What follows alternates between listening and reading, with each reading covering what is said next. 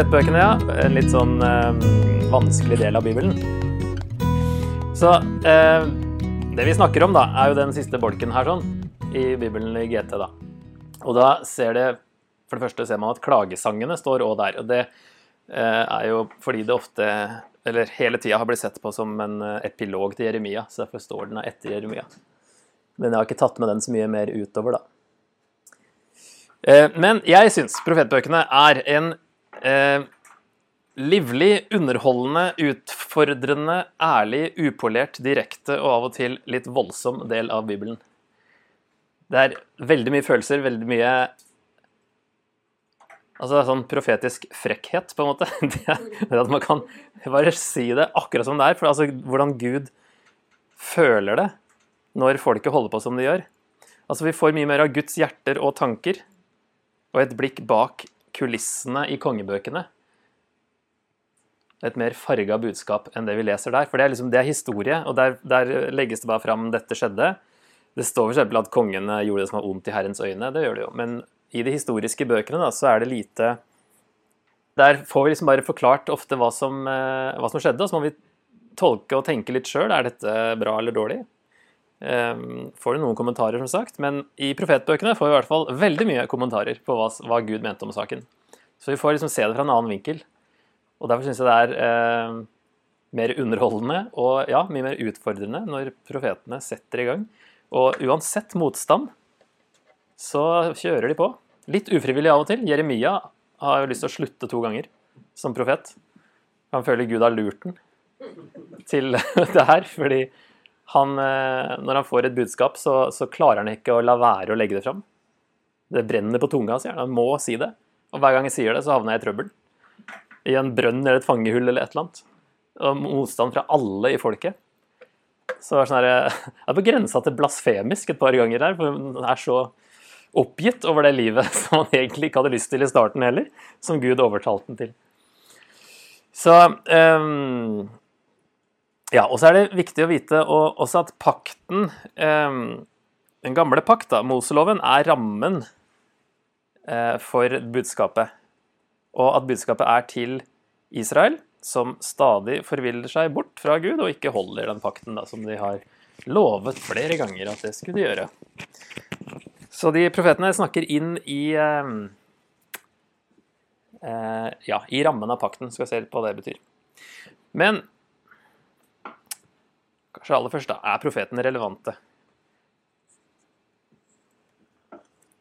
Her er det Jesus som leser fra eh, kanskje Jesaja, når han er i synagogen i Nasaret. Det er i hvert fall veldig mye ting som Jesus snakker om, som egentlig er fra profetene.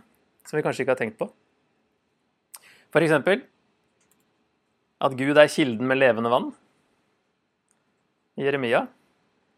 Eh, bildet med vin og vingård er fra Jesaja 5. Så når Jesus snakker om eh, lignelser som har med en vingård å gjøre, så er Jesaja 5 bakgrunnen.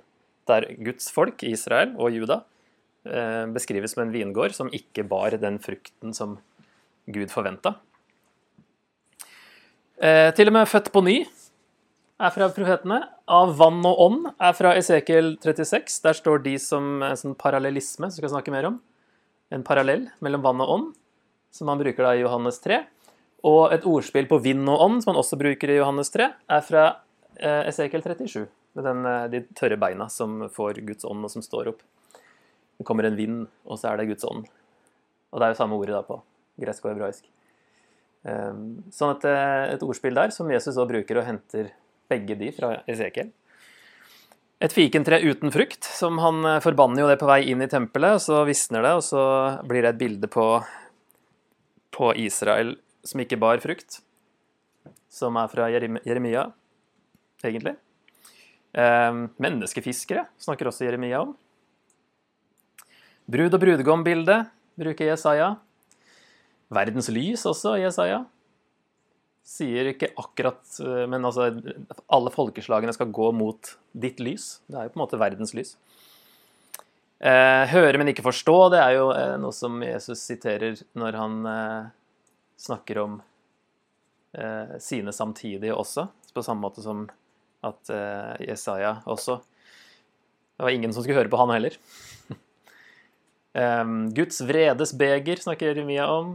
Røverhule. Når Jesus siterer Han siterer Jeremia når han eh, raserer tempelet, si. Um, og fra en tale der Jeremia snakker om at tempelet kommer til å bli ødelagt, så sitt, henter Jesus opp igjen fra Jeremia sin tempeltale og forutsier at tempelet skal ødelegges en gang til. Innhøstning fra Joel snakker mye om det i lignelsene sine. Og en, en sauer som ledes gjennom porten, fra Mika 2. Og gjeterbildet, spesielt kanskje ved Esekiel 34, der eh, de dårlige gjeterne avsettes, og Gud skal innsette en ny god gjeter. Så Jesus sier 'Jeg er den gode gjeteren'. Så veldig mye som vi kanskje ikke er klar over, som eh, profetene på en måte har eh, litt copyright på, de der bildene her, som Jesus snakker mye om. Og Hvis vi går videre til andre i Nytestamentet, så I Apostlenes gjerninger så er f.eks. 9 av 30 GT-sitater fra profetene. Så en tredjedel. Og den første talen er jo Peter sin da, på pinsedag fra Joel, for å forklare at de siste dager har begynt med Jesu første komme. Nå er vi liksom på siste episode av Guds store plan. Når Jesus kom, så er det Joel det første som brukes. Og Paulus han har 53 eh, av 131 sitater fra profetene, altså av GT-sitatene. Så det er eh, Skal vi si da, mange prosent er det? I hvert fall oppimot halvparten. Um, og over en tredjedel. Så um, han nå bruker masse profetene. Så vi kan oppsummere her, eh, starten her på, med at eh, Jesus og Det nye testamentets forfattere så på profetene i GT som en sentral del av skriftene. De både bekreftet profetenes autoritet, handlet ut fra budskapet deres. Jesus går jo og henter seg Eller sier 'gå og hent en eselfole til meg', så skal vi liksom oppfylle Zakaria 9.9 her. Så han, han, handler jo ut fra det profeten har snakka om. Ehm, og de forkynte fra dem også. Men, men, først bare for få noen knagger til å forstå litt mer av dem. Så, men så er det så utrolig mye bra og eh, Både utfordrende og oppmuntrende å hente fra profetene. Så hva er en profet? Eh, hvis vi ser på hva ordet betyr, da, så er det et gresk ord som kommer av pro, som betyr foran, og av og til før. Og verbet femi, som da vi har i blasfemi, som tale, og at det mest naturlig oversettes som en talsmann. Og at eh, foran, altså en som taler foran noen andre, han taler foran Gud. Og han blir da Guds talsmann. Men vi er vant til å tenke en profet er en som sier noe som skal skje før det skjer. Men det er nok mest i betydningen foran eh, denne pro-prefiksen. En som taler foran Gud, på vegne av Gud.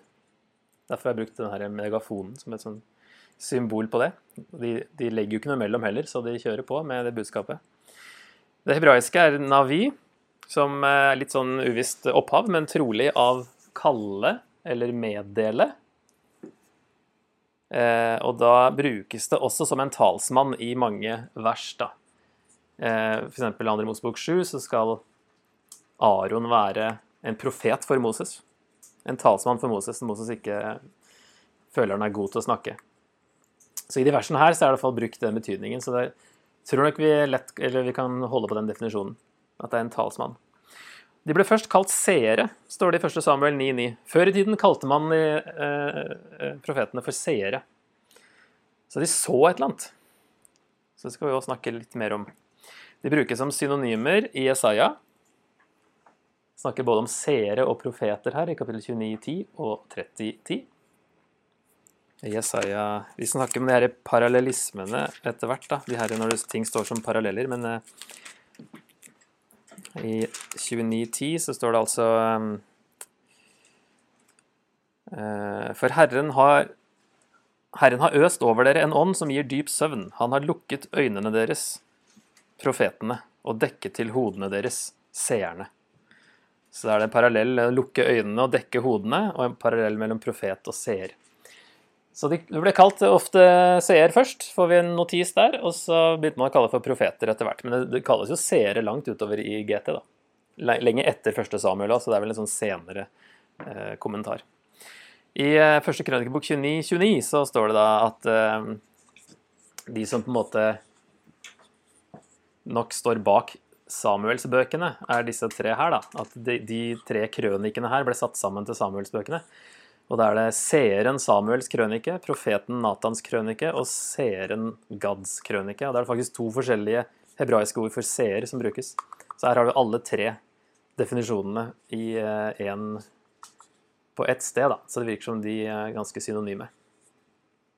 En seer og en profet. Og en profet sidestilles så med en drømmeseer i 5. Mosebok 13. Så de ser ting De ser ting i drømme. De drømmer. Og de hører ting. Vi skal snakke litt om det også, hvordan de fikk budskapene sine. Men vi kan i hvert fall si at en profet er, de er Guds talsmenn, og de er håndhevere av pakten. Og da er det viktig å vite om at Moseloven inneholdt paktsvelsignelser og paktsforbannelser. Som, forbannelse er jo et sånn skummelt ord. Vi kan ten- tenke på det som ulykker som tegn på paktsbrudd. Det er altså sykdom, dårlig avling, eh, dyr som angriper, andre nasjoner som angriper. eh, negative ting, da. Det er ikke en sånn en eh, si, demonforbannelse eller et eller annet sånt. Det er ulykker. Og det var veldig vanlig da, i, når man inngikk en sånn pakt, så i den pakts, paktsdokumentet så sto det da til slutt hva, altså Hvis du bryter pakten, så kan jeg gjøre dette med deg, og hvis jeg bryter pakten, så kan du gjøre dette med meg. Men hvis du holder pakten, så skal jeg gjøre dette positivt, og du skal gjøre dette mot meg. Så velsignelser og forbannelser. Så det sto nederst, og det, sånn er hele femte Mosebok egentlig strukturert. Sånn på slutten av femte Mosebok så kommer Den har struktur som et, som et sånt paktsdokument. Og da kommer de der velsignelsene og forbannelsene på slutten. Så de må vi vite litt om, og det er eh, sånn eh, utdrag av det er at eh, hvis de holdt pakten, så skulle de ha fred og velstand og helse og liv og overflod og respekt og sikkerhet. Eh, Og hvis de brøt pakten, så skulle det komme død og tørke og hungersnød og fare og sykdom og ødeleggelse, og de skal bli overvunnet og nød og vanære. Så hovedkapitlene på det er 3. Mosebok 26 og 5. Mosebok 28. Da har vi da de her eh, som profetene henviser til. Og Derfor må vi eh, skjønne at det er rammen som de eh, forkynner ut fra. Jeg Skal se et eksempel eh, som dere kan kikke litt på kanskje eh, sjøl, i Amos 4, vers 6 til 10. Hvis jeg kan, vi kan lese det, og så kan dere Hvis du eh, har en finger i 5. Mosebok 28, fra vers 20 og utover i 15. Mosebok 28, så kan dere se om dere finner noen eh, sånne De tingene som Amos henviser til. Så han sier da i 4, Amos 4, fra vers eh, 6 Jeg lot dere være uten mat i munnen i alle byer og uten brød alle steder. Jeg kan ta den første sammen. Men dere vendte ikke om til meg, sier Herren. Og så Nå har jeg tatt det første her fra 3. Mosebok 26, da, men resten er fra 5. Mosebok 28. Da står det at når jeg bryter i stykker brødstaven for dere, skal ti kvinner steke brød i en og samme ovn. De skal gi dere brødet etter vekt, og dere skal spise, men ikke bli mette. Det er da en av disse forbannelsene. Hvis de bryter pakten, så skal de ha lite brød. Og eh, i 15. Mosebok så kalles de tegn, de her forbannelsene. Fordi det skal være tegn på at de må skjønne at de er kommet bort fra Gud når de tingene her skjer. Sånn at de skal våkne opp og komme tilbake. Så hvis jeg tar eh, neste, og så kan dere få kikke litt, eller kan lese Amos, og så kan dere få kikke litt i 15-årsbok. Um, fra vers 7. Jeg holdt regnet tilbake for dere da det ennå var tre måneder til høsten. Jeg lot det regne over én by, men over en annen lot jeg det ikke regne. Et jordstykke fikk regn, et annet fikk ikke regn og tørket ut. Både to og tre byer vaklet av sted til en og samme by for å drikke vann uten å få tørsten slukket. Men dere vendte ikke om til meg, sier Herren. Det burde de ha gjort. Hadde de huska på Moseloven, så burde de vente om når det ikke kom regn. Jeg slo dere med kornsot og svarterust. Gresshopper åt opp de mange hagene og vinmarkene deres, fikentrærne og oliventrærne. Men dere vendte ikke om til meg, sier Herren. Jeg sendte pest mot dere, som jeg gjorde mot Egypt. Jeg drepte de unge mennene med sverd. Hestene ble tatt som bytte. Jeg lot stanken fra deres egen leir stige opp i nesen på dere. Men dere vendte ikke om til meg, sier Herren. Ok, Ta noen minutter og se fra 15. Mosebok om dere kan finne noen av de her fra vers 7 til 10 i Amos 4. Det står vel litt sånn an annet språk. Men i vers 23 og 24 himmelen over hodet ditt skal bli til bronse, og jorden under deg til jern. Herren skal forvandle regnet over landet ditt til sand og støv. Poetisk lagt fram. Bronse og jern. Da er det tørt og hardt. Og så var det kornsot og svartrust, ja, i vers 22. Eh, Gresshopper, da. Som lette litt lenger ut, tror jeg. Om noen rakk å lese så langt, men det står i vers 38. Mye korn skal du så i åkeren, men lite får du høste inn, for gresshoppene eter det opp.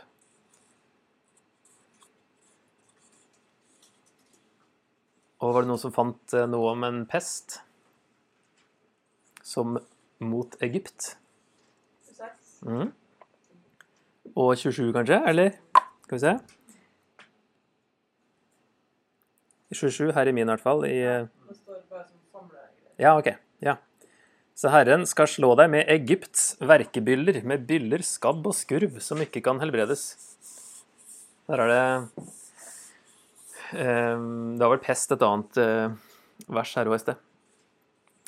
Og sverd, står det da i vers 25. Jeg sender mot dere et sverd som hevner paktsbruddet. Det er for så vidt tredje Mosebok, den. Da blingsa jeg litt.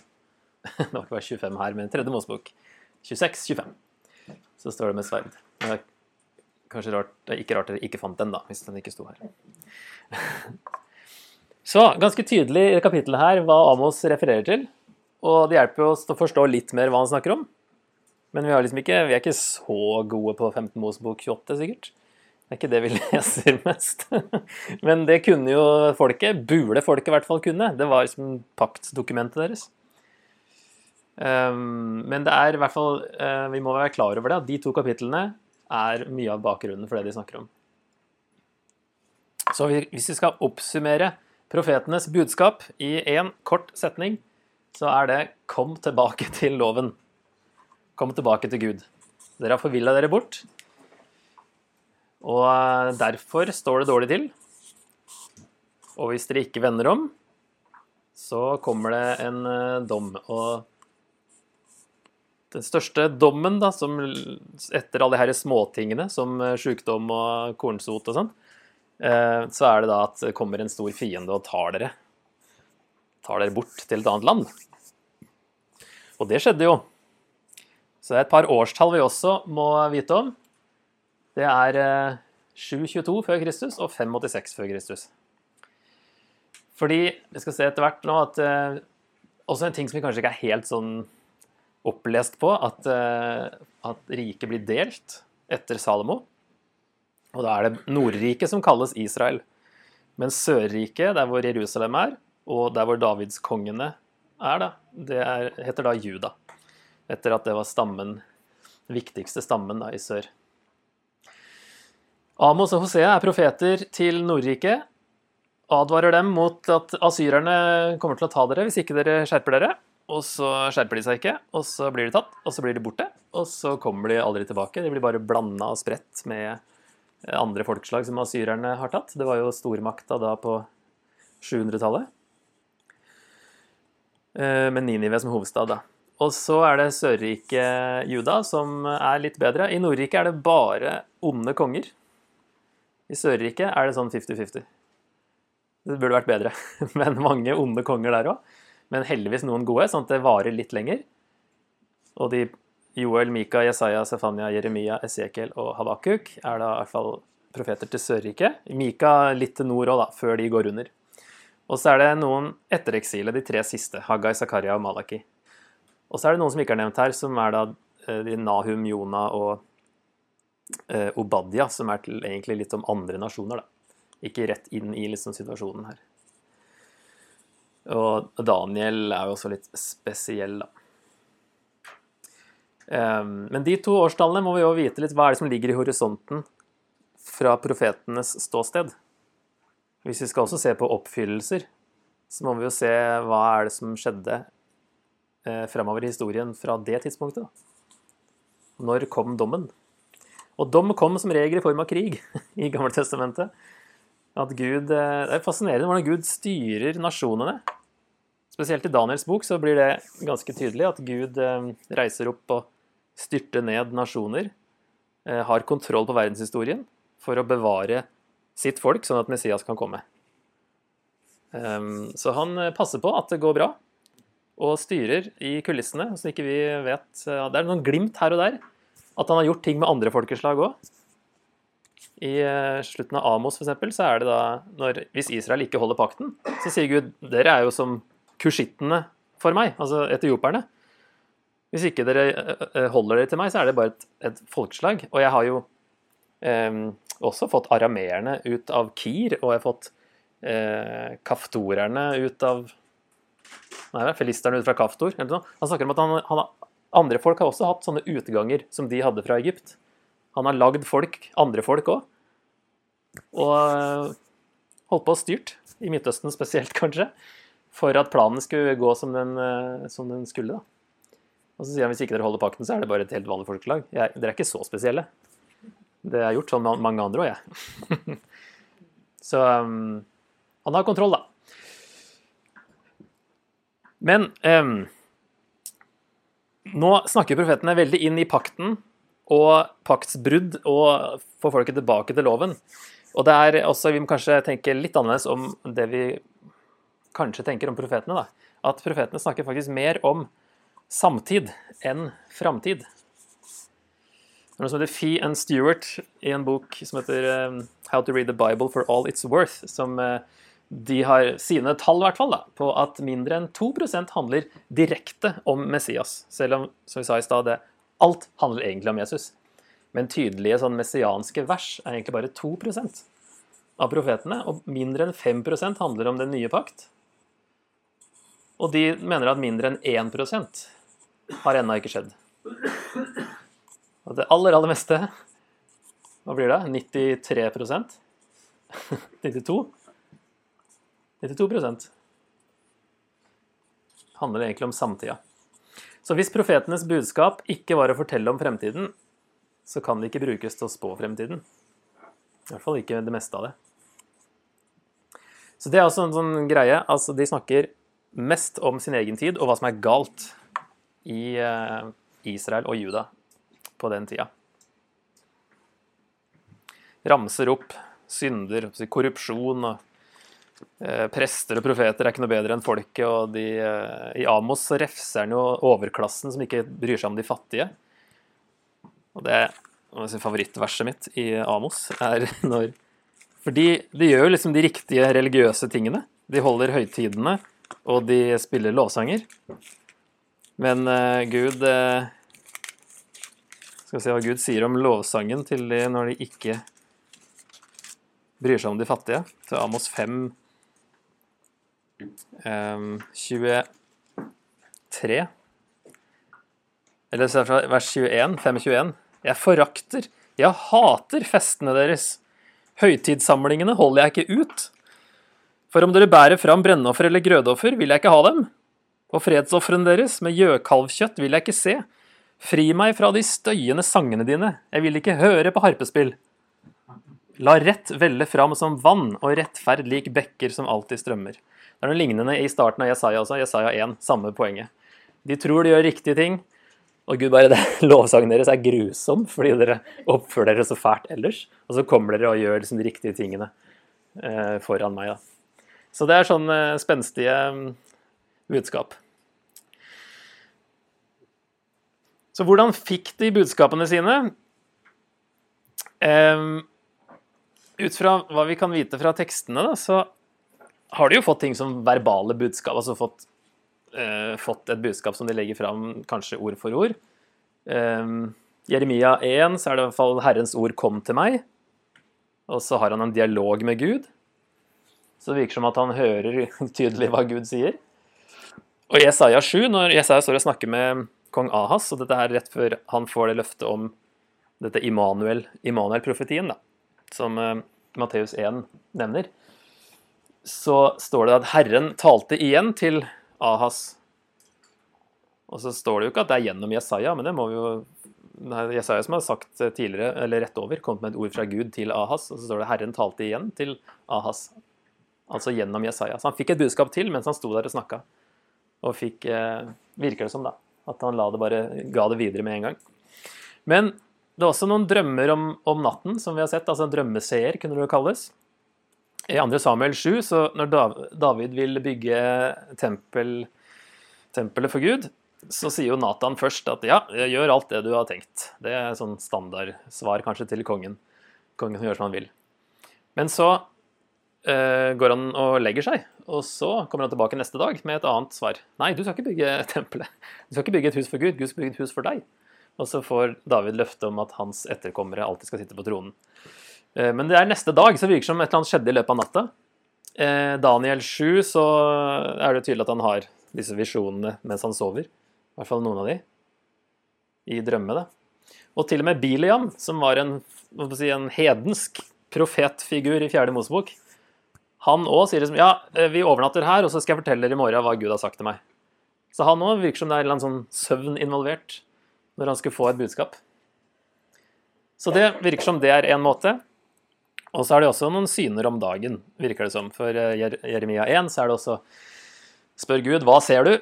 Ja, jeg ser et eh, før så sto det et mandeltre, og så sier Gud ja, fordi jeg våker over mitt ord. Og så skjønner de ikke helt for, for sammenheng med mandeltre og våke, så nå har de oversatt med våketreet. For at de skal skjønne at det er et ordspill her på, eh, på hebraisk. da. Amos 8.1 òg. Liksom, hva ser du, Amos? Jeg ser en kurv med moden frukt. Yes, fordi enden er nær. Så det er en sånn, en sånn hebraisk ordspill. Så da må vi ned i fotnoten og se at ordet for moden frukt og ende ligner, da. Så vi tulla med det litt i, uh, her om dagen på, i klassen. At hvis jeg er på norsk, så har det vært noe sånt at uh, Hva ser du, Amos? Jeg ser en flokk med ender. Enden er nær. eller et eller annet sånt. Hvis, det var, hvis dette skjedde på norsk, da. um, så det i hvert fall virker som at de får budskap ord for ord. De får noen syner og drømmer. Og så er det også det at det budskapet, det ordet for budskap, massa. Det kan da bety byrde. Og det virker som det var en byrde som lå på dem, som de måtte si. Altså for Jeremia i hvert fall, som ikke kan la være å si det. Budskapet er en byrde. Så kanskje det føles veldig sånn tungt når man får et sånt et budskap fra Gud som du bare vet du må si. Det kan fortsatt skje. Men det er en sammenheng mellom syner og ord som jeg syns er interessant, fordi Jesaja starter med å si Syn som Jesaja, sønn av Amos. Det er altså en annen Amos, for det er en sett, egentlig, da, på hebraisk. Det er ikke profeten Amos. Syn som Jesaja, sønn av Amos, så om Juda og Jerusalem. Så kommer det ikke noen beskrivelse av et syn, det kommer poesi. Så det er liksom rart. Det er ikke det vi forventa, kanskje, hvis det var syn han så. Og i kapittel to så står det ordet som Jesaja, sønn av Amos, så om Juda og Jerusalem. Han så et ord. Er det da Så han et budskap, eller så han noe annet som han formulerte som et budskap? Det er litt interessant å prøve å tenke seg.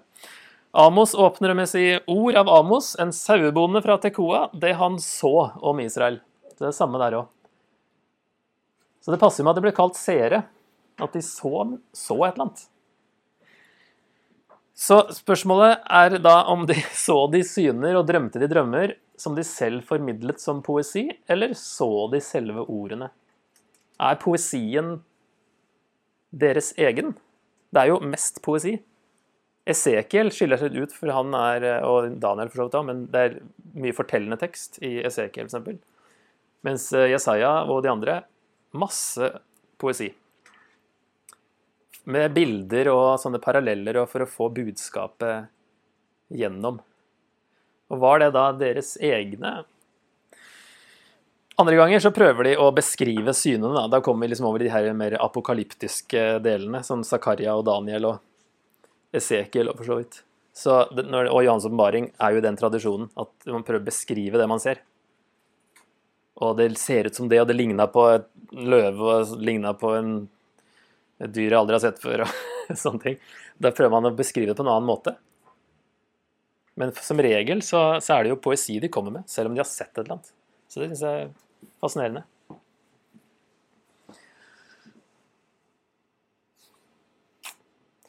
Ok, så litt om hvordan de formidla budskapet, da. Og da er det viktig det her med det som jeg snakka om, parallellismer, som vi kan kalle for tankerim. For når de skal rime, så er det ikke siste ordet som rimer i hver linje, men det er eh, innholdet som rimer, på en måte. Eksempel i Amos 1-2. Herren brøler fra Sion. Fra Jerusalem runger hans røst.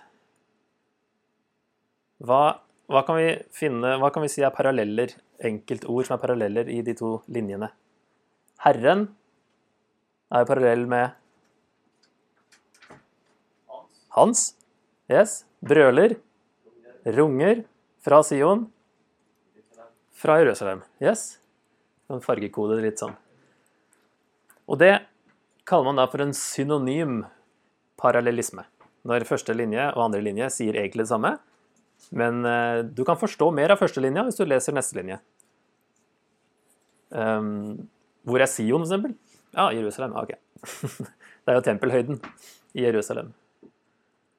Um, så det vil forklare, da, hvis du leser litt videre. Og det har vært nyttig for min del mange ganger. Å lese neste linje, så tolker den på en måte den første. Så har vi en litt annen eh, type fra Habakuk her. Se, i ham er det en oppblåst og uærlig sjel, men den rettferdige skal leve ved sin troskap. Det er et kjent vers, det siste der, som Paulus bruker mye. Når han snakker om rettferdiggjørelsen ved tro. Hva slags paralleller ser vi her, da? Den er litt vanskeligere. Og så er det jo et 'men' i den andre. Så det er jo ikke helt synonymt, sånn som i den første der. Er det noen som ser noen ting som kan være parallelle? Eller motsetninger kanskje her, da. Ja. Uærlig, oppblåst òg kanskje, er litt sånn motsatt av I hvert fall uærlig er motsatt av troskap. Mm. Um, det er den tydeligste. Ellers så tror jeg vi kan si at sjel og leve også, det er en parallell. Selv om det ikke er så tydelig. Og, og så er det jo snakker du om ham, i ham, altså en annen enn den rettferdige. Så de er jo motsetninger. Ham og den rettferdige, oppblåst og i hvert fall uærlig, er motsatt av troskap. Så kan vel slags være en parallell, en synonym parallell mellom eh, sjel og leve. Men det her er liksom den andre som er ganske vanlig, som da eh, kalles eh, ja, På norsk så er det bare en motsetning. Motsetningsparallellisme. Antitetisk på sånn vanskelig språk. Um, så det her er jo det vanligste. Uh, at du finner masse i salmene og masse i ordspråkene også. Det er vanlig hebraisk poesi uh, å lage sånne paralleller. Og så jo, kan man lage mye mer vanskeligere enn det her. Sånne, altså fra diktanalyse så har vi jo sånne A, B, C, C, B, A. ikke sant? Eh, paralleller som går inn mot et sentrum. A, B, C, C, B, A eh, kalles en kiasme, for det går inn mot en, en, en X, ki, da, på Eller ki på gresk. Så en X-struktur. Så da, ja, så det er mye mer sånn, det her er det vanligste, jeg skal snakke mye mer om, om resten. Men eh, det er, de er ganske kreative da, med, i uh, formidlinga og hvordan de lager bilder og paralleller for å få budskapet igjennom. Om de nå lagde det sjøl, eller om de fikk det fra Gud, vanskelig å si. Og så var det jo en livsstil òg å være profet. Noen som vet hvilken profet dette er?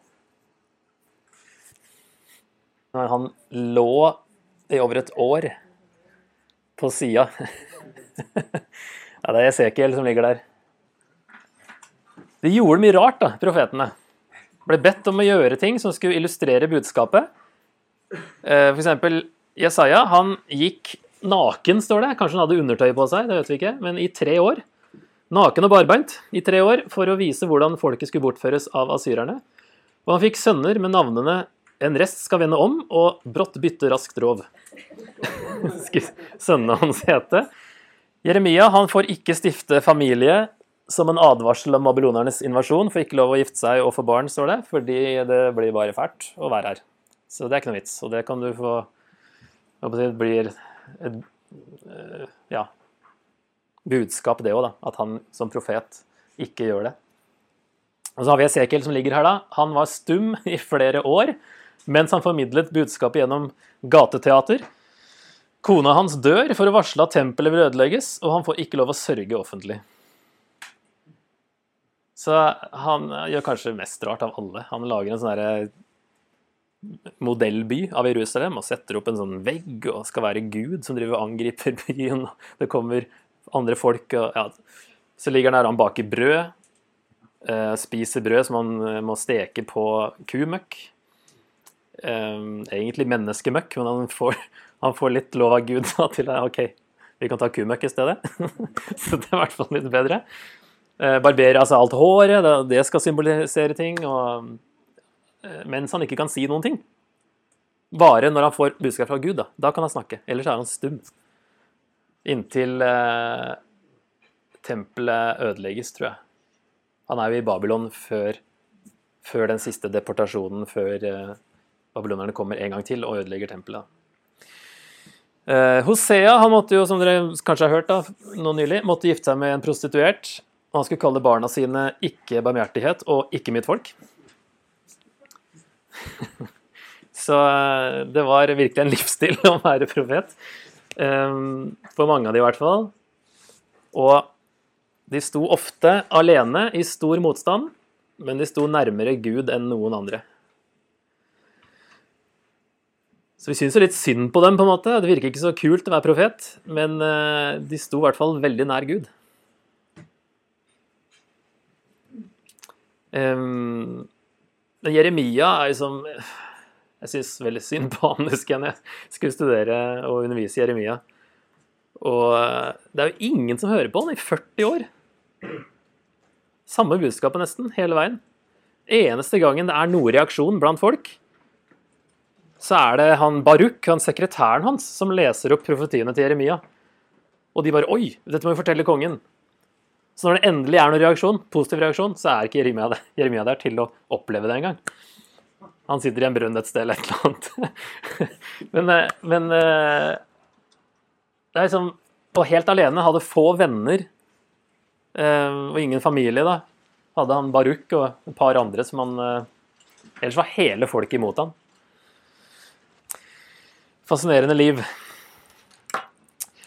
Eh, sto alene, men, men la ingenting imellom når de følte at Gud sa kom med et budskap til dem.